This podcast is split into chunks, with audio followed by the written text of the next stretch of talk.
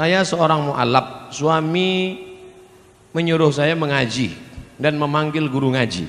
Tapi suami tak pernah sholat.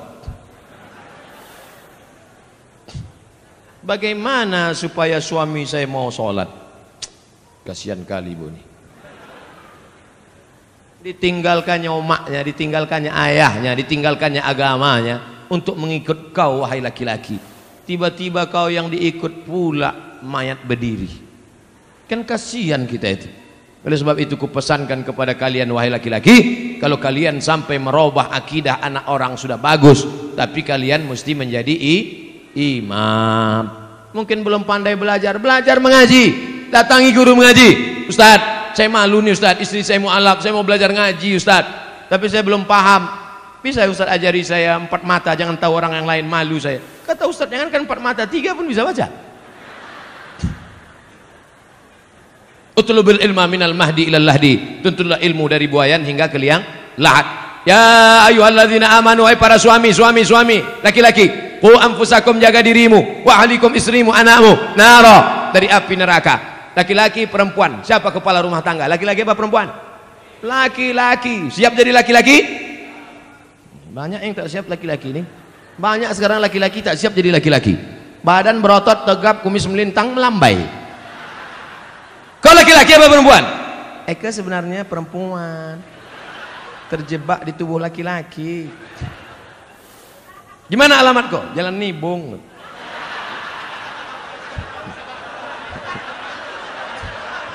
Saudara yang dimuliakan Allah. Dulu tahun 90, sekarang tak ada lagi. Masih ada juga lagi. Hmm, belum hijrah, belum taubat juga orang itu lagi. Saudara yang dimuliakan Allah Subhanahu wa taala. Oleh sebab itu maka jadilah laki-laki yang menyelamatkan anak istrinya. Ibu, ibu, ibu, ibu, ibu punya lima hak terhadap laki-laki ini. Udah tahu hak ibu terhadap mereka ini? Yang pertama, mereka wajib mengasih makan. Ibu udah makan? Belum. Datang jam 9, booking tempat. Sekarang sudah jam 3 kurang 15. Cuma mau makan? Dua, pakaian. Alhamdulillah, pakaian sudah dari ujung ke ujung pakaian. Tapi tadi ku tengok banyak juga yang pakai pakaian belum selesai dijahit. Tiga, tempat tinggal. Tempat tinggal harus yang layak. Tapi jangan kalian paksakan suami untuk, abang, tetangga kita rumahnya dua-dua tingkat, aku mau tiga. Banyaklah laki-laki tak tahan jantungnya menghadapi bini macam ini. Apa dek? Kau minta gelang? Kau minta rumah? Mati. Empat, pendidikan aslinya suami-suami laki-laki kalian yang mendidik istri kalian panggil istri kalian baca Quran panggil istri kalian ajarkan sholat panggil istri kalian kalian nasihati. Tapi karena kalian tak bisa mengajar mereka maka suruh mereka pengajian ke masjid petisah. Betul? Datang Ustaz Munzir Situmorang mengaji dek. Datang Ustaz Dari Sulaiman ngaji dek. Datang lagi Ustaz Yahya Waloni ngaji dek. Datang lagi Ustaz Uwai, Ustadz Adi Hidayat, Wah mengaji. Ini mengaji. Abang tak ngaji? Eh, abang nyuruh aja.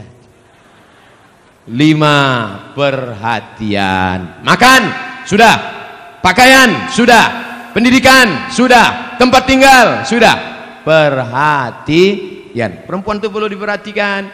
Perempuan itu perlu dipuji-puji. Perempuan itu perlu dimuliakan. Perempuan itu perlu kata-kata sanjungan yang lemah lembut. Betul? Makanya Nabi selalu memuji-muji. Apa kata Nabi? Ya Humaira.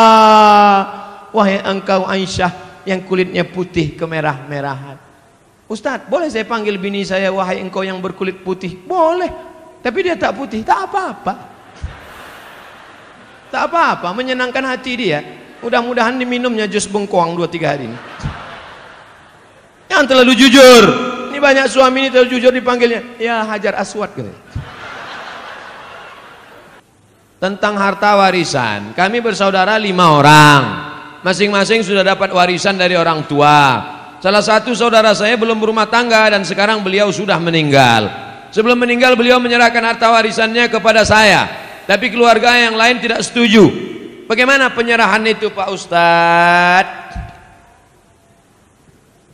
Adik beradik lima orang. Satu, dua, tiga, empat, lima yang empat sudah menikah, yang satu anak lajang. Kalau dia meninggal, anak lajang meninggal, ke mana harta warisannya? Harta warisan anak lajang yang tak punya anak, yang tak punya bini, maka dibagikan kepada saudara kandung. Tinggal 100 juta, kami tinggal berempat, 25, 25, 25, 25, karena sama-sama laki-laki. Kalau ada perempuan saudara kandung, lidzakari mi'azlu hadzil unsayain. Anak laki-laki dua kali bagian anak perempuan. Tiba-tiba ada satu saudara, kata dia, aku sudah dikasihnya, akadnya dulu apa? Kalau akadnya hibah, sah. Mana hitam di atas putih? Makanya kalau memberi hibah harus ada tanda tangan dengan materai 6000 dan saksi. Kalau tak ada, maka balik kepada hukum bagi menurut hukum faraid. Kalau ada surat wasiat, kalau aku mati, harta warisanku semuanya aku bagikan kepada si fulan. Hukum wasiat tidak boleh semua harta. Hukum wasiat paling banyak sepertiga harta. Jadi kalau di total hartanya 100 juta, wasiat hanya terjadi 33 juta. Yang 66 tetap dibagi kepada ahli waris. Jelas? Bagaimana memperoleh ridho suami yang suka menggunakan berbagai macam kartu kredit? Ini bertanya apa curhat? Saya harus tidak memasak padahal bahan-bahan yang dibeli dari kartu kredit. Suami tersebut susah mengendalikan pandangan mata. Akhirnya pernah terjadi perselingkuhan. Semua perilakunya sudah dinasehati tapi dia masih melakukan di belakang saya. Mohon doa dan solusinya Pak Ustadz. Ibu kalau ibu sudah pengajian jangan ibu menceramahi suami ibu. Jangan pulang dari sini pulang ke rumah abang sini sebentar ada yang mau kusampaikan Assalamualaikum warahmatullah wabarakatuh. Bukan begitu. Dalam Islam ada perwalian ibu punya wali enam orang. Wali ibu ada enam. Pertama ayah. Yang kedua atuk. Yang kedua ketiga abang. Yang keempat adik laki-laki. Yang kelima abang ayah. Yang keenam adik ayah laki-laki. Melaporlah ke enam wali. Wali cuman hanya bukan cuman hanya wali saat nikah saja. Saat suami terjadi sesuatu maka wali memanggil suami. Eh kreditor. Sini kau sebentar. Eh cutman sini cutman dia lelaki kartu Saking banyaknya kartu kreditnya. Sini bentar. Aku dapat laporan kabarnya kau asik main kartu kredit saja. Banyak utang piutang keliling pinggang. Sudah lebih begitu kau selingkuh pula. Ini keponakan kami ini bukan dapat kau di tong sampah. Dulu kau pinang baik-baik. Oleh sebab itu maka suami mesti dikasih SP1. Surat peringatan pertama. Jangan lupa wali yang berbicara kita semua saling mendoakan. Di akhir majlis nanti kita doakan mudah-mudahan lembut hatinya insyaAllah. Amin. Mana yang lebih dipilih istri atau emak? Karena saudara saya tidak pernah mau mengakurkan terhadap ibu. Sakit hati istrinya sudah hampir kepada ibu saya. Gimana nih Pak Ustadz? Apa kata perempuan yang soleha? Aku milik suamiku, suamiku milik ibunya. Tidak ada sorga kecuali di tapak kaki ibu. Oleh sebab itu jangan lawan ibu. Makanya kalian yang lajang-lajang sebelum menikah berani kalian berkata kepada dia, "Adinda, aku mau nikah sama kau. You want to be a second woman." Tapi kau akan menjadi perempuan yang kedua. What? Jadi kalau begitu aku istri yang kedua. Istriku satu kau, tapi perempuan yang kedua adalah yang pertama adalah ibuku. Bangga kita melihat preman, tegap, berotot, betatu, tapi tatunya tertulis di sini, I love Amakden. Nah, enggak kita. Berbakti dia pada ibunya. Ibu tak bisa dilawan. Ibu tidak bisa dilawan. Jurus menghadapi ibu tiga. Diam, diam, diam. Apa pun kata dia diam. Jangan kau lawan. Karena umurnya tak lama. Malaikat maut sudah dekat. Jangan sampai ketika dia mati di situlah kau baru menangis mencakar dinding oh pandai-pandai tanya kepada alim ulama tokoh masyarakat. Pandai kepada bapak. Tanya ini banyak nih hadir di antara kita bapak-bapak yang sudah lama berumah tangga yang jam terbangnya? Mereka ini pilot-pilot Sukhoi. Yang jam terbangnya sudah 5000 jam ke atas. Bagaimana mereka pandai antara ibu orang tua antara keluarga pandai mendamaikan? Mudah-mudahan kita termasuk orang yang diberikan kebaikan dunia dan akhirat. Amin. Nama saya XXX. Saya tidak ingin bertanya, hanya saya mau bilang baru-baru ini saya mimpi berjumpa Ustadz. Dalam mimpi saya memanggil Ustadz dan ingin bersalaman. Tapi tak bisa saking ramainya orang. Dipetisah lah itu. Kemudian saya terbangun. dan saya menangis ingin tangan saya dan tangan unga Ustadz bersentuhan. Apa yang sering laki-laki bukan perempuan. Laki-laki. Alhamdulillah, alhamdulillah. Saya ucapkan puji sama Allah. Sekarang dari mulai saya pulang dari Maroko 2008 sampai 2019, 11 tahun saya jadi ustadz. Yang selalu mencari-cari saya itu kemarin ada Ustadz Somad bisa datang ke rumah saya. Kenapa? Mertua saya sedang demam memigau-ngigau manggil Ustadz Somad, Ustadz Somad. Tak lama sudah itu datang pula orang ke kampus Ustadz Somad. Ini ada anak kecil umur lima tahun sakit memanggil-manggil Ustadz bawa besok ke kampus. Datang saya peluk saya sapu kepalanya. Alhamdulillah sampai sekarang yang menangis-nangis ini dua aja. Nenek-nenek anak-anak. Anak gadis belum ada lagi. Apa yang sering kau tengok apa yang sering kau dengar apa yang sering kau tonton apa yang sering kau pikirkan apa yang sering kau renungkan itulah yang akan kau bawa waktu nanti tidur dan sakaratul maut Biasanya jamaah-jamaah yang selalu mimpi itu mimpi sama Habib, mimpi sama Nabi, maka dia selalu sebelum tidur itu dia ingat-ingat, dia pikir-pikir, berjumpa. Waktu saya dua tahun yang lalu ceramah di Jakarta, datanglah seorang jamaah, Ustadz Somad, saya melihat Ustadz dikelilingi oleh Habib-Habib, keturunan-keturunan Nabi. Apa arti mimpi saya itu Ustadz? Mimpi antum itu berarti dakwah saya ini benar mengikut sunnah Nabi Muhammad SAW. Karena saya dikelilingi oleh para habaib. Seminggu setelah itu, tanpa direncanakan, di situlah saya berjumpa dengan Habib Umar bin Hafiz. Allah Ta'ala mempertemukan. Ternyata Ustadz tak melihat dalam mimpi, tapi jamaah melihat. Hati jamaah jauh lebih bersih dari suci daripada Ustadz Abdul Somad. Antena dia bersih, antena Abdul Somad masih kotor lagi kadang masih marah menengok buli-buli caci maki. Jamaah tak ada marah-marah. Orang bukan dia yang diajak masjid pusat pasar masjid yang ada waktu zuhur dan asar maghrib apakah sah sholat jumatnya Pak Ustad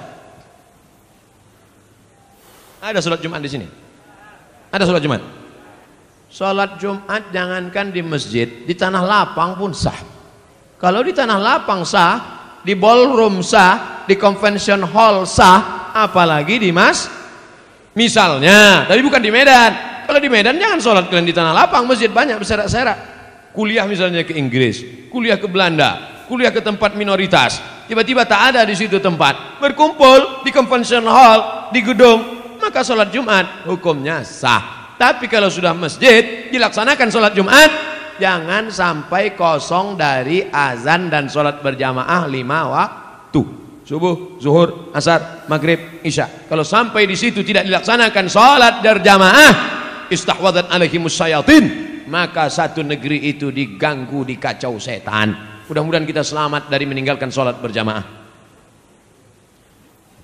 Orang tua saya sebelum meninggal ingin berkurban. Telah dibayar uangnya pada panitia tapi sebelum Idul Adha beliau meninggal. Apakah itu boleh diteruskan diwakilkan pada anaknya? Maka kalau orang tua ada berpesan, nanti kalau aku meninggal atau dia masih hidup dia berpesan, maka tetap dilanjutkan walaupun sudah meninggal dunia. Orang tua hidup berpesan sebelum sampai hari kurban meninggal, teruskan. Orang tua masih hidup berpesan, kalau aku mati nanti buatkan kurban, teruskan. Dagingnya tidak boleh dimakan ahli waris karena wasiatnya untuk umat Islam. Ahli waris tak dapat. Karena dulu kata dia ini wasiatnya untuk orang lain. Tapi menurut mazhab Hambali, Imam Ahmad bin Ambal, ahli waris boleh memakannya karena ahli waris juga bagian dari umat Islam. Jadi kalau ada bapak ibu yang kemarin orang tuanya meninggal dunia, lalu diwasiatkan potong kambing, lalu kemudian dia ikut mendapatkan daging kuponnya, jangan merasa bersalah. Kalau ada ustadz mengatakan tak boleh ahli waris memakannya, berarti bukan dari mazhab Hambali, mazhab yang lain. Kita mengamalkan selama tidak keluar dari Hanafi, Maliki, Syafi'i, Hambali, selama ahlu sunnah wal jamaah, maka tetap kita boleh amalkan. Jelas? Ustadz, kita mengimani bahwa malaikat wajib diketahui ada 10. Sementara malaikat Jibril tugasnya menyampaikan wahyu kepada Nabi. Sedangkan baginda Rasulullah sudah wafat. Jadi sekarang apalah kerja Jibril itu Pak Ustadz?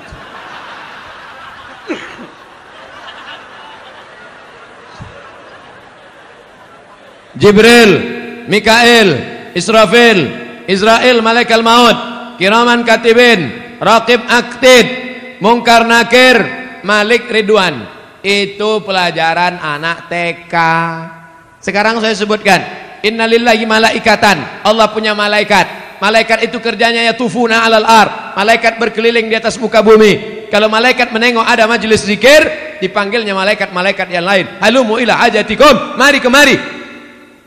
Ada tak malaikat yang saya sebutkan mencari majelis zikir ini dalam yang 10 tadi tak ada jangan batasi malaikat hanya cuma 10 10 yang 10 itu untuk memudahkan anak TK belajar anak sekolah malaikat tak berbatas contoh kedua Inna ahadakum yujma'u khalquhu fi batni ummihi arba'ina yawman nutfah. Kamu diciptakan dalam perut ibumu 40 hari dalam bentuk air, sperma. 40 hari dalam bentuk darah, 40 hari dalam bentuk daging. Tsumma yursalul malaku. Kemudian datang malaikat membawa rohmu dari alam arwah masuk ke dalam alam rahim. Ada disebutkan nama malaikat yang membawa roh itu? Tak ada. Maka malaikat itu jumlahnya banyak. Apa tugas pokok malaikat itu? Tengok dalam surat Al-Baqarah. Wa nahnu nusabbihu bihamdika wa nuqaddisu lak.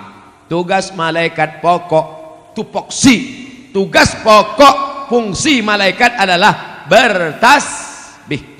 Ada malaikat yang sejak diciptakan sampai hari ini bertasbih tak bangkit-bangkit. Subhanallah walhamdulillah wa la ilaha illallah wallahu akbar. Ada malaikat 70 ribu malaikat masuk setiap hari dikeliling mengelilingi Ka'bah di bawah. Di atas itu namanya wal baitil ma'mur. Rumah yang dimakmurkan. Jibril malaikat berkeliling bertasbih. Subhanallah walhamdulillah wala ilaha illallah wallahu akbar. Subhanallah malaikat berkeliling di atas. Adam alaihissalam rindu ingin menengok Baitul Ma'mur. Ketika turun ke bumi kata Allah buatlah bentuknya macam Baitul Ma'mur. Kalau dijatuhkan batu kerikil dari atas pos jatuh ke bawah maka sama di bawah. Malaikat di atas memuji mengagungkan Allah. Manusia pun di bawah sama. Subhanallah walhamdulillah wala ilaha illallah wallahu akbar. Makanya kalau mau sama ucapan kita dengan ucapan malaikat mesti banyak-banyak bertasbih. Jadi apalah tugas Jibril sekarang balik ke tugas pokok. Mengagungkan mensucikan bertasbih memuliakan Allah. Subhanallah walhamdulillah wala ilaha illallah wallahu akbar wala haula wala quwwata illa billahil aliyil azim.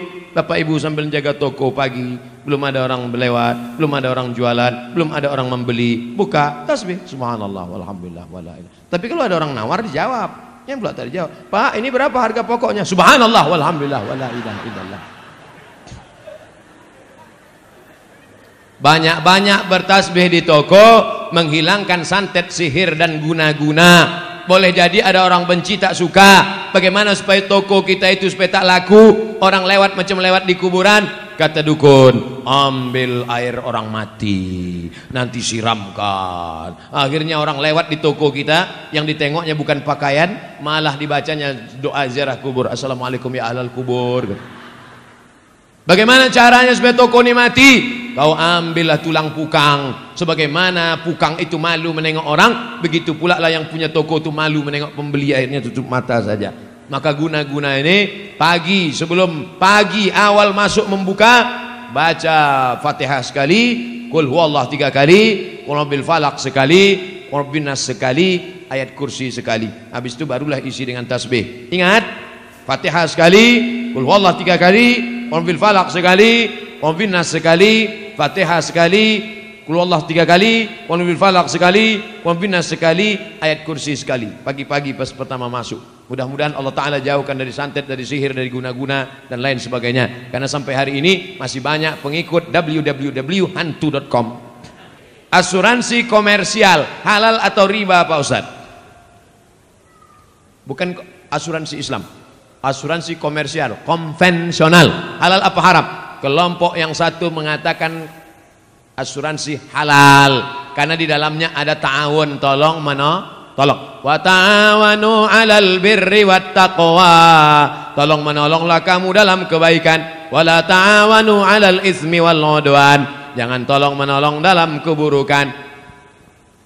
peserta asuransi 100 orang bapak store 10 juta 10 juta 10 juta 10 juta 10 juta 10 juta maka kalau store semuanya 10 juta kali 100 orang berarti berapa itu 1 M betul terjadi musibah maka seolah-olah saat itu ini sedang tolong menolong itulah ilat sebab hukum kalau ada ustadz yang mengatakan itu sebenarnya ada unsur tolong menolong jadi boleh kata fatwa yang pertama tapi kata fatwa yang kedua, asuransi haram. Di mana tak haramnya?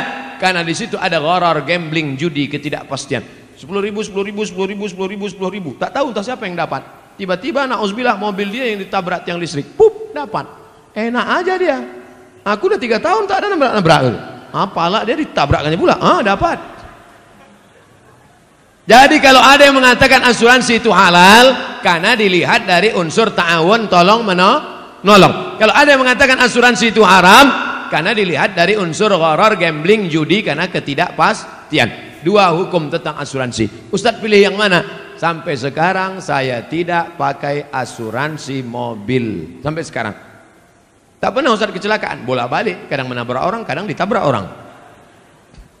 Kalau ada ustadz mengatakan boleh, dipakainya fatwa pertama. Kalau ada ustadz mengatakan tak boleh, pakainya fatwa satu lagi. Dua-duanya bisa dipakai. Bukan kata Abdul Somad, kata Syekh Ali Jum'ah, mufti Mesir dalam kitab Fatwa Al-Azhar, fatwa-fatwa Al-Azhar. Ustadz, gimana caranya meyakinkan orang tua kita tentang menikah muda? Ayah, aku mau meminang dia dengan bismillah. Ah, pergilah, kau makanlah bismillah tu kata dia. Bapak-bapak, kalau ada anak kalian mau menikah muda, anak bapak laki-laki, anak bapak perempuan, maka kompromilah kalian. Daripada mereka makan di daun, baguslah mereka makan di pinggan, betul? Daripada mereka kumpul kerbau, kumpul sapi, kumpul kambing, baguslah mereka berkeluarga baik. Daripada mereka melakukan perbuatan maksiat dosa, na'udzubillah Jaga mereka baik-baik. Tengok almarhum Ustaz Arifin Ilham, umur 17 tahun dinikahkannya. Saya anak saya nanti saya tanya, kapan dia mau nikah, ku nikahkan kau. Kapan kau mau nikah? Mana perempuannya? Mana? Tunjukkan biar ku pinangkan. Anak Ustaz masih kecil lagi. Kenapa begitu? Karena saya nikah lama. Kok tahu saya nikah itu bagus cepat-cepat? Pagi bersunat, siang nikah langsung.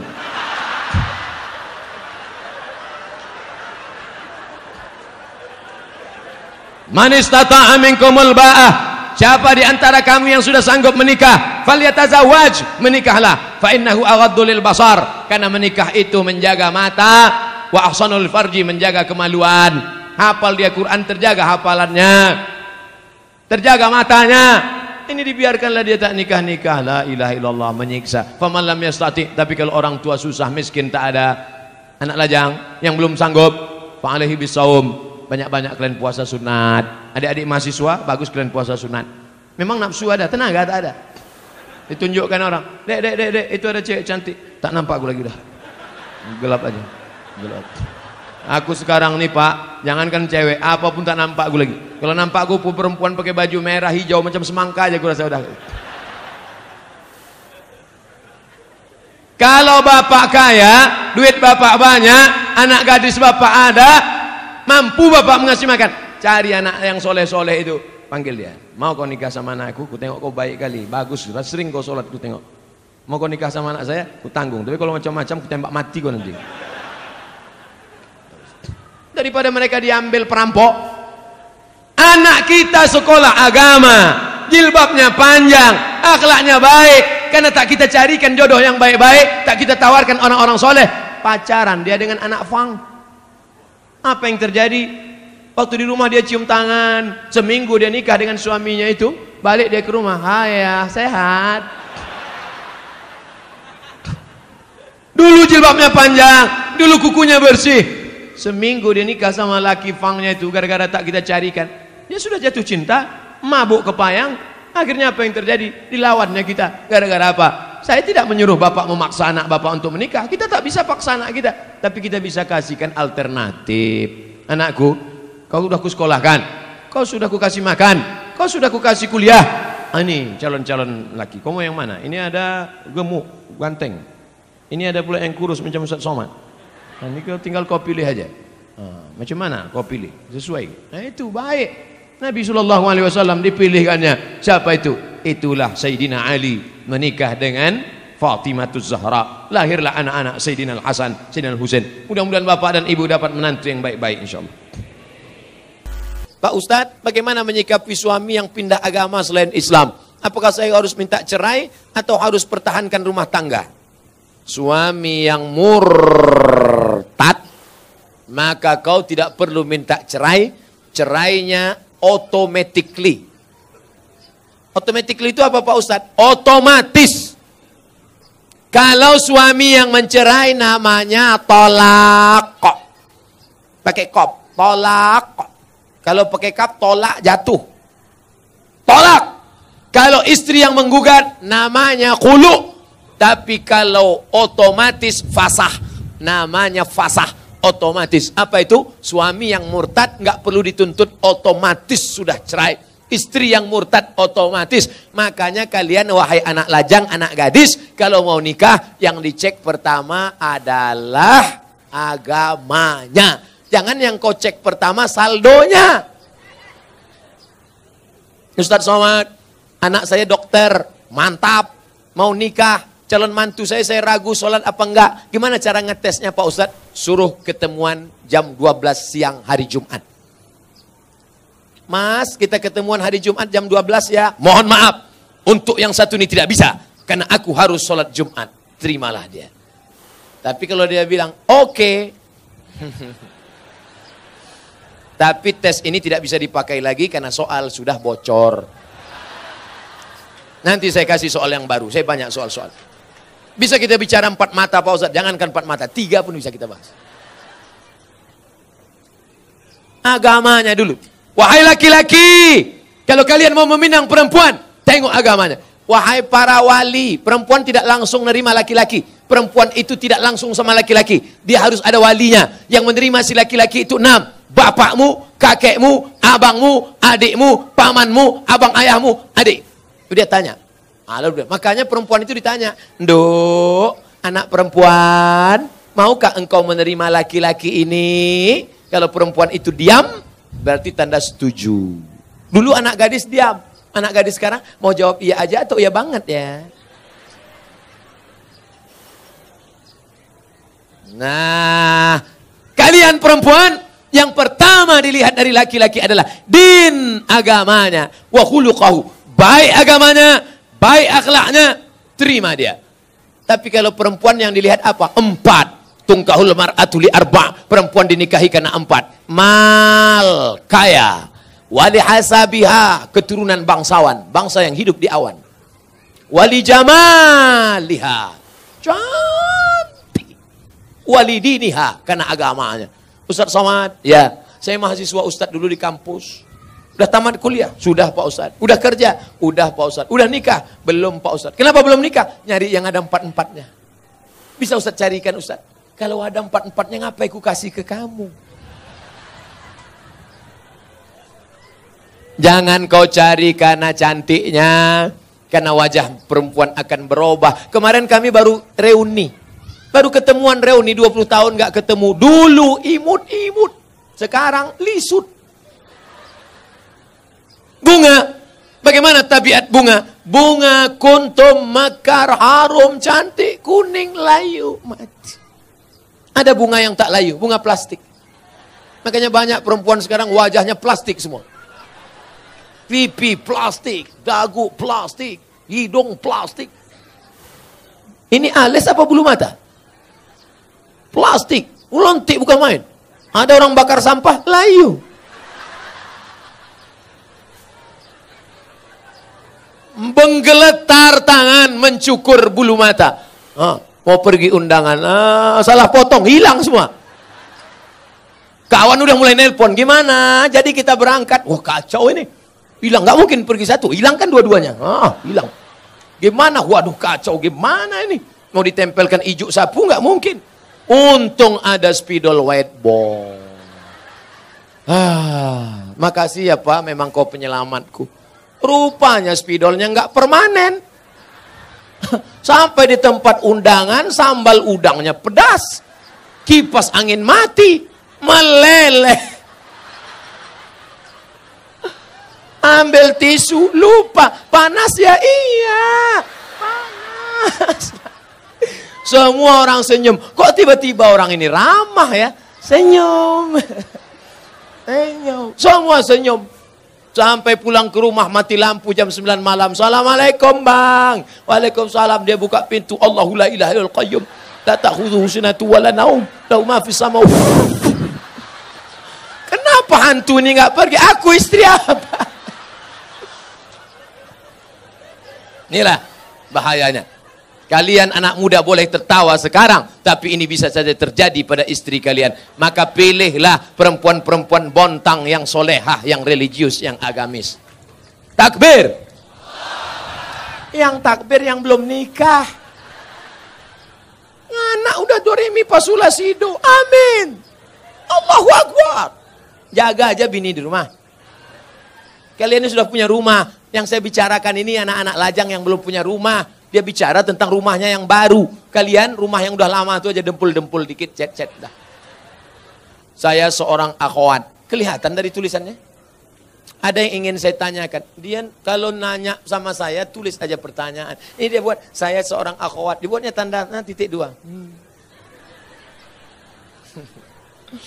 Ustadz, seorang akhwat, ada yang ingin saya tanyakan. Ada orang melamar saya. Tapi saya sedang menyukai orang lain. Bagaimana ya Pak Ustadz? Ini mancing-mancing aja. Ada laki-laki melamar engkau, tapi hatimu sedang suka dengan orang lain. Maka kau tengok dulu mana di antara dua laki-laki ini yang bisa menyelamatkan engkau dunia akhirat. Kalau tiba-tiba yang ini datang, ini jantan dia, perkasa dia, dipinangnya kau dengan baik. Ini cuma berani bawa engkau makan mie ayam, bakso, bonceng sana, bonceng sini, pegang tangan, ujung jempol kaki. Nah, kau campakkan ini Fir'aun, ini tak ada gunanya nih. Ini yang Musa yang baik ini. Laki-laki yang baik bukan yang berani membawa engkau di belakang orang tuamu. Laki-laki yang baik adalah yang bertanggung jawab datang. Laki-laki yang perkasa bukan yang datang dengan mobil besar, motor megah yang mewah. Laki-laki yang perkasa adalah laki-laki yang berani berkata, kupinang kau dengan bismillah. Buanglah mantan pada tempatnya. Mudah-mudahan yang tua, yang muda, remaja-remaji semuanya diselamatkan Allah Subhanahu wa taala. Apakah haram makan uang korupsi sama dengan haramnya babi? Mana pula sama babi sama korupsi? Kalau kau ambil babi, kau panggang, kau kasih kecap, kau makan, itu yang dosa kau sendiri. Tapi kalau korupsi kau makan, kau mesti kembalikan uang ini kepada orang pemiliknya. Kalau kau makan babi, di akhirat kau nggak perlu nyari babi. Tapi kalau korupsi, kau mesti cari orang itu. Kalau kau korupsi satu desa, berarti satu desa mesti kau cari. Kalau kau cari korupsi satu provinsi, satu provinsi mesti kau cari. Kenapa Ustaz tak sebutkan satu kota? Ada Bu Wali di sini. Nggak mungkin Bu Wali korupsi. Beliau dokter. Kalau mau dia cari duit nggak perlu jadi wali kota. Diambilnya aja senter sama senter kecil sama martil kecil selesai. Oleh sebab itu maka kalian yang sudah pernah korupsi, maka uang korupsi itu dihitung Serahkan ke lembaga yang dinikmati orang banyak. Panti jompo, anak yatim, fakir miskin, masjid. Dulu kau korupsi berapa? 100 juta. Hitung, hitung, hitung, balikkan. Nanti kalau pengurus masjid nanya, kok banyak kali? Ambil aja Pak, usah tanya-tanya. Jadi nggak perlu, ini aku serahkan 100 juta karena korupsi dulu, tunai. Nggak usah, nanti ditangkap KPK. Jelas? Ada orang nanti mati di hadapan Allah, puasanya banyak, Sholatnya banyak, hajinya banyak. Tapi ternyata amalnya itu habis. Kenapa? Diambil orang yang pernah dia aniaya, pungli, kutipan liar, korupsi, sogok. Habis amalnya diambil di akhirat. Oleh sebab itu kita tulus ikhlas bersih sebersih-bersihnya menghadap Allah Subhanahu wa taala. Mudah-mudahan kita dibersihkan Allah dari segala macam ini. Amin. Hidup ini bukan sebentar, bukan lama saudaraku. Hidup ini hanya sejenak saja. Seperti orang yang bernaung di bawah pokok kayu sementara hujan. Hujan berhenti, kita pun berlalu. Habis ini kita akan pindah ke alam barzah, alam kubur. Setelah itu kita pun akan masuk dalam surga Allah. Mudah-mudahan kita selamatkan dari neraka jahanam. Amin. Apa yang harus saya lakukan ketika ibu saya selingkuh sudah tiga kali kedapatan? Apakah saya boleh membenci dan memarahinya? Apa yang sebaiknya dilakukan bapak saya, Pak Ustadz? Engkau dulu lahir ke dunia ini lewat rahim ibumu atau lewat tabung gas 9 kilo? Apakah bisa kau katakan, Mama, aku tak pernah. Tidak pernah kita pernah kita pernah lalu di perutnya, lalu di rahimnya, dan dia meregang nyawa. Itu tidak bisa kau pungkiri. Oleh sebab itu bahwa dia bersalah, ya. Tapi kesalahan dia tidak membenarkan kedurhakaan engkau. Maka caranya bagaimana? Suruh bapakmu menasehatinya. Bapakmu pun kok bisa dibuat selingkuh tiga kali? Ke mana bapakmu selama ini? Laki-laki itu kan tahu dia. Periksa HP-nya. Tiba-tiba di HP ketawa-ketawa. Kiki, kiki, kiki, kiki. Kau ngapain siapa? Sama siapa? Sama mantan bang. Reuni-reuni dia pergi. Tanya dia. Ibu-ibu kalau reuni bapaknya ikut. Nanti pergi sendirian. Ditanya, mana gambar suamimu? Ini. Gantengan aku ya? Iya bang. Akhirnya semua berawal dari macam. Udah macam abang saya. Udah macam adik saya. Berawal dari macam, berakhir dengan macam-macam. Oleh sebab itu ini mesti kita jaga. Nah, dalam kasus begini bagaimana Pak Ustadz? Laki-laki dua. Yang pertama dia sabar atau dia gugat ke pengadilan. Kalau kau sabar, kau jaga dia. Kalau tidak, kau gugat di pengadilan, maka kasus perselingkuhan paling cepat hakim menjatuhkan talak. Kalau kau sabar, jaga dia dengan baik. Kalau kau tak sabar, kau lepas dia dengan baik. Bunga bukan setangkai, kumbang bukan seekor, patah tumbuh hilang berganti, hilang satu tumbuh seribu. Gimana? Sabar? Saya sabar Pak Ustadz. Jaga dia sampai mati, saya jaga Pak Ustadz. Lupakan yang lain, lupakan. Jaga dia. Tapi jangan mulutmu berkata sabar, hatimu berkata yang lain. Gimana aku bisa menerima dia? Dia sudah diobok-obok tiga orang. Bagaimana kiat mendidik anak agar mudah untuk diarahkan kepada kebaikan. Termasuk menyelamatkan ortunya nanti di akhirat. Mendidik anak itu sejak kapan? Mendidik anak itu sejak mencarikan calon ibunya. Karena bibit yang baik ditanam di tanah yang subur akan tumbuhlah bunga-bunga yang cantik dan indah harum semerbak. Tapi kalau bibitnya kau tanam di tanah yang tandus akan tumbuh pohon kaktus dilihat tidak indah, dicium tidak harum, durinya menusuk hidung bengkak. Oleh sebab itu maka carilah perempuan yang solehah perempuan yang solehah. Bagi yang belum nikah, yang sudah ada, kau jaga-jaga aja lah yang sudah ada. Kalau istrimu solehah, dia hamil, dia sambil masak baca ayat Quran. Bismillahirrahmanirrahim. Ar-Rahman. Alam, garamnya garam. Alamal Quran. Jadi anak soleh ya nak. Coba kalau istrimu tak soleha. Ah, dia masak. Hmm, hmm, hmm. Ah. Garam tak ada.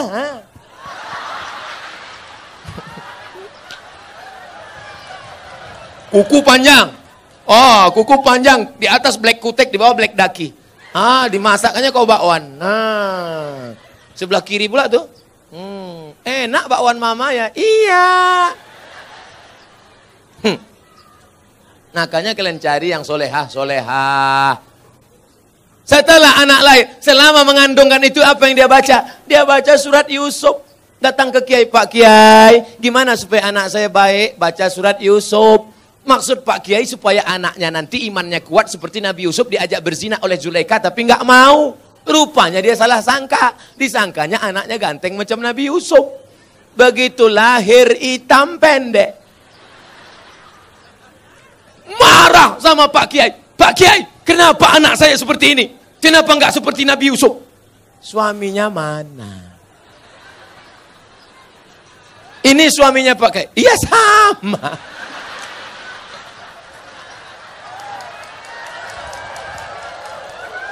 Maksud saya nyuruh kamu baca surat Yusuf, bukan anaknya ganteng macam Nabi Yusuf, tapi imannya ku kuat. Mohon maaf Pak Kiai, saya salah sangka. Ya nggak apa-apalah udah terjadi apa boleh buat bagai. Dia nggak akan marah, dia nggak akan komplain ke kamu. Aku nyesal nikah sama kamu mas, hitam pendek, jelek, busuk, bau. Jangan-jangan aku kena pelet dulu. Dia tetap nerima. Apa kata dia? Mas, aku nggak marah. Karena Islam mengajarkan rukun iman enam. Iman keenam adalah nerima takdir baik dan takdir bu buruk. Engkaulah takdir buruk, mas. Dia ridho nerima. Dia tidak akan marah mencaci maki engkau.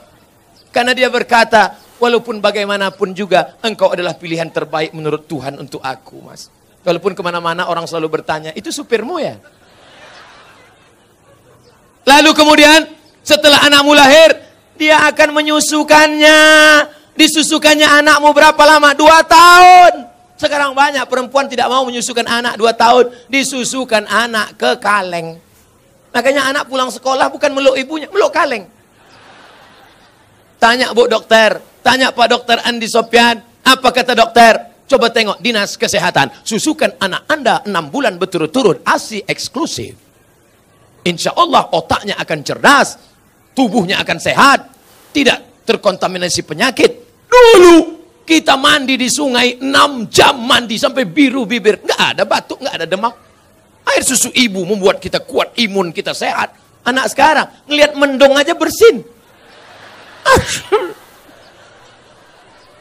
Ikatan emosional dekat. Anaknya disusukan ibu. Ibu yang menyusukan anak untuk menghindari kanker payudara. Ibu yang menyusukan anak sekaligus keluarga berencana. Ibu yang menyusukan anak kedekatan emosional antara ibu dan anak. Makanya anakmu jauh dia tetap nelpon mama mau makan apa nanti adik bawakan makanan ya. Anak yang tidak kau susukan kau titip uang pun dia lupa. Mana ma titipan mama tadi? Enggak ingat ma, lupa. Jangan heran. Kenapa? Karena hubunganmu dengan dia sudah lama putus. Lalu kemudian setelah itu dijaganya. Dua tahun pertama susukan. Dua tahun kedua lari-lari lompat-lompat. Dua tahun ketiga mulai dia mengajarkan surat-surat pendek. Anak sambil motong-motong bawang, motong-motong cabai. Bismillahirrahmanirrahim. Qul huwallahu ahad. Akhirnya dia ajak sholat. Sekarang kita ketemu perempuan di tepi jalan. Umur lima tahun. Lipstiknya tebal, rambutnya pirang, tiga warna. Merah, kuning, kelabu. Kuteknya merah. Kira-kira anak umur lima tahun ini yang ngajar siapa? Maknya al-ummat nasatul ula. Ibu adalah pendidik pertama. Sekolah sebelum S1, S2, S3. Pendidik kita yang pertama adalah ibu. Tadi waktu saya makan ada anak kecil berjilbab panjang. Ustadz, anak kecil mencium tangan saya. Anak kecil ingin duduk dekat saya. Kenapa? Karena anak-anak ini dilahirkan oleh ibu-ibu yang soleha. Di mana ibu-ibu soleha itu berada? di Bontang. Wahai laki-laki yang ingin mendapatkan istri soleha, datanglah kalian ke Bontang. Yang sudah nikah jangan lagi. Lalu Pak Ustadz selanjutnya, sampai kapan anak ini kau jaga? Perempuan tidak pernah berhenti bertanya, kamu sedang di mana, jalan sama siapa, pulang jam berapa, duitnya kemarin mana, Ketika perempuan berhenti ngomel, berhenti merepet, berhenti bicara, saat itu kiamat sudah terjadi pada anak-anak kita. Jangan sampai diam saja. Bu, saya bawa anaknya ya, bawalah. Sampai pagi ya bu, enggak apa-apa. Anaknya hamil bu, ya enggak apa-apa. Jangan sampai kalian laki-laki harus gagah perkasa, perempuan juga harus menjaga. Pak, saya bawa anaknya sebentar jalan-jalan ke kota. Jangan. Ibu juga harus begitu. Bu, kami bawa, jangan. Jangan sampai bapak bilang, jangan. Sekali tidak, tidak. Datang ibu dari belakang, bawalah. Kita dulu lebih parah daripada itu. Nusa anak-anak kita. Harus kita jaga generasi ini insya Allah. Apa hukum kegiatan arisan julo-julo door to door dalam satu juta dikeluarkan 25 ribu untuk ketua? pesertanya jelas. Saya Pak Bupati Pak Anggota Dewan Bapak Kapolres Bapak Dandim Buya Ustadz Zul alumni guru. 10 orang. Satu orang 100 ribu. Maka diundi keluar sejuta. Kebetulan yang diundi pertama keluar Abdul Somad. Maka akadnya waktu itu adalah akad hutang. Karena saya baru memasukkan 100 ribu berarti saya berutang 900 kepada 9 orang. Boleh. Tapi karena yang mengutip duit ini adalah salah satu dan dia datang itu pakai ongkos minyak tak mungkin dia naik setan naik jin maka saya katakan untuk bermusyawarah kita bagaimana kalau untuk ongkos minyak dia ini kita kasih 20 ribu sepakat. Tidak riba. Tapi yang jula-jula yang haram itu begini. Datang orang ke rumah kita ibu mau tak ikut jula-jula? Nah, nanti kalau menarik satu juta ibu cuma dapat 900 itu sebetulnya jula-jula fiktif pesertanya tak jelas orangnya tak ada. Itu adalah rentenir riba pakai baju jula-jula. Gimana jelas? Kalau yang model pertama jelas pesertanya tahu orangnya. Memang betul hitungannya 10 betul. Tapi kalau jula-jula fiktif pesertanya tak tahu tak duit siapa entah orangnya mana akadnya tak jelas. Itu sebetulnya riba rentenir tapi pakai baju jula Gula, hati-hati. Saya memiliki ruko. Lagi lagi. Awak mencari rukonya, lo punya ruko. Ruko ada sepuluh. Mati awak, api diambil anak-anak. Cuba lagi kan cie ke situ. Betul? Ruko dia Ustaz Somad, itu ruko yang ada di sana. Saya katakan. Ruko siapa? Entah. Pastikan dulu punya awak. Saya punya ruko Pak Ustaz, satu tahun 10 juta. Apakah saya wajib mengeluarkan zakatnya Pak Ustaz? Zakat pendapatan di total semua. Gaji sebulan sampai juta, satu tahun sampai puluh 8 juta. Ditambahkan ke ruko tadi 10 juta, 50 sampai juta. Ditambahkan lagi uang tunjang, uang sikut, uang sundul, uang tanduk, uang sipak maka di total selama setahun 100 juta. Zakatnya dua setengah persen. Kalau zakat 100 juta 22 setengah persen maka zakatnya 2 juta setengah. 100 juta. Disimpan di dalam dompet dompetnya dikunci. Disimpan di dalam laci lacinya dikunci disimpan dalam lemari, lemarinya dikunci, disimpan di dalam kamar, kamarnya dikunci, disimpan di dalam rumah, rumahnya dikunci, disimpan di dalam komplek, kompleknya dikunci, tabaka. Habis saudara. Oleh sebab itu keluarkan zakatnya dua setengah persen di total dengan yang lain. Saya tidak akan periksa harta bapak ibu masing-masing. Kita beriman kepada Allah. Allah melihat. Semoga Ustaz selalu dalam keadaan sehat. Amin dalam pernikahan adat Jawa ada yang namanya sungkeman. Itu di Jawa? Apa di Sumatera Barat? Itu menunjukkan orang Sumatera Barat tidak menolak siapa pun yang mau datang ke Sumatera Barat. Silakan investasi datang aman. Ini buktinya orang Jawa ada. Bagaimana sungkeman itu dalam Islam Pak Ustaz? Lihat kaidah usul fikih. Al aslu fil asya al ibahah hukum asal segala sesuatu dalam Islam hukumnya boleh. Ayahnya duduk sama emaknya duduk. Jangan takut insya Allah tak pecah. Saya 50 kilo. Ayahnya sama emaknya duduk. Tiba-tiba datanglah anak sungkem. Tak boleh berdiri berjalan lututnya. Nah, sampai ke situ diciumnya tangan. Uh, pripun kabari langsung pinoro teko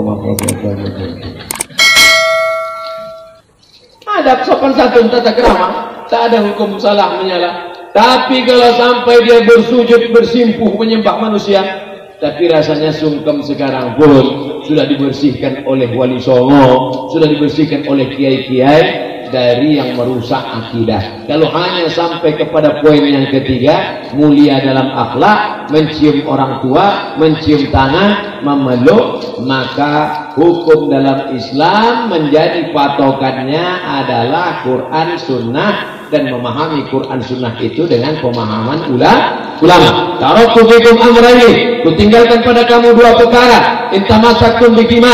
Kalau kamu pegang yang dua ini, lan tadillu abada. Kamu tak sesat untuk selamanya. Kitab Allah Al-Quran wa sunnati dan sunnah Rasulullah sallallahu alaihi wasallam. Kalau tak paham Quran, tak mengerti sunnah, kemana kita bertanya? Al ulama warasatul anbiya. Maka tanya kepada ulama-ulama kita. Di Muhammadiyah ada namanya majlis tarjih ada pendapat mazhab Hanafi, ada pendapat mazhab Maliki, ada pendapat mazhab Syafi'i, ada mazhab pendapat Hambali, ada pendapat mazhab Imam Ibnu Layla, ada pendapat Imam Al-Laif, ada pendapat Imam Ibnu Katsir, ada pendapat Imam Sufyan Ats-Tsauri, ada pendapat Imam Sufyan Ibnu Uyainah. Maka datanglah ulama majelis tarjih mengambil pendapat ini dimunakosahkan lalu kata beliau at-tarjihu fi kada pendapat yang kuat dalam masalah ini maka itulah yang diamalkan dalam tradisi organisasi Muhammadiyah. Mudah-mudahan kita mengikut Quran dan Sunnah, mengikut pemahaman para ulama. Amin.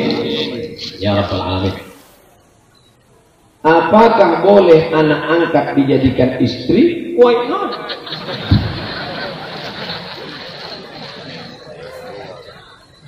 Bapak kalau mau punya anak angkat, cari keponakan bapak yang perempuan. Bapak kalau mau punya anak, anak angkat, cari keponakan bapak yang perempuan. Maka dia menjadi mahram bapak. Ibu kalau mau punya anak angkat, cari keponakan ibu yang laki laki. Tapi kalau bapak cari anak angkat anak orang lain yang tak ada hubungan mahram dan tidak disusukan oleh istri bapak, masalah berawal dari anak angkat lama-lama menjadi bini angkat. Ada bini angkat Ustaz. Ada tiga masalah anak angkat. Yang pertama, hukum adopsi di Indonesia menjadi bermasalah pada anak angkat ada tiga. Yang pertama, anak angkat dipakai nama ayah angkat dalam penulisan bin haram. Udu'uhum li abaihim pakai ayah kandung tak boleh angkat. Wa absatu indallah itu lebih adil di hadapan Allah. Dua, banyak ayah angkat ketika mau mati meninggal dibuatkan surat wasiat semua harta untuk anak angkat. Nanti kalau aku mati semua hartaku untuk anak angkat. Adapun saudara kandungku itu selop jepitku pun jangan kasih. Haram hukumnya. Anak angkat hanya boleh dapat wasiat tak lebih dari sepertiga harta. Kalau lebih daripada itu haram. Yang ketiga yang jadi masalah adalah kalau bapak punya anak angkat nanti bapak berdua-dua di rumah dengan dia. Ibu punya anak angkat ibu pun berdua-dua tak ada mahram. Haram. La yahluan rajulun ma'amratin illa ma'azi mahramin. Tak boleh berdua-duaan tanpa mah mahram.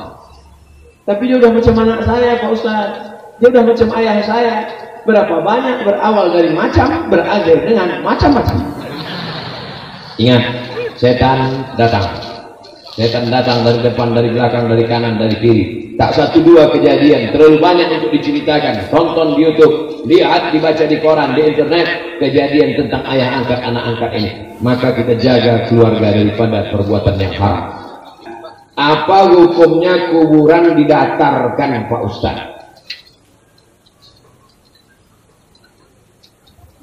Namun tak berani menjawab pertanyaanku, mesti diseleksi oleh alumni Al-Kausar. Mereka ditanya, ini masalah yang bantuk-bantuk dan patah. Ah, dipanggil lah ada yang mengisi Kuburan itu tak boleh lebih dari sibon sejengkal.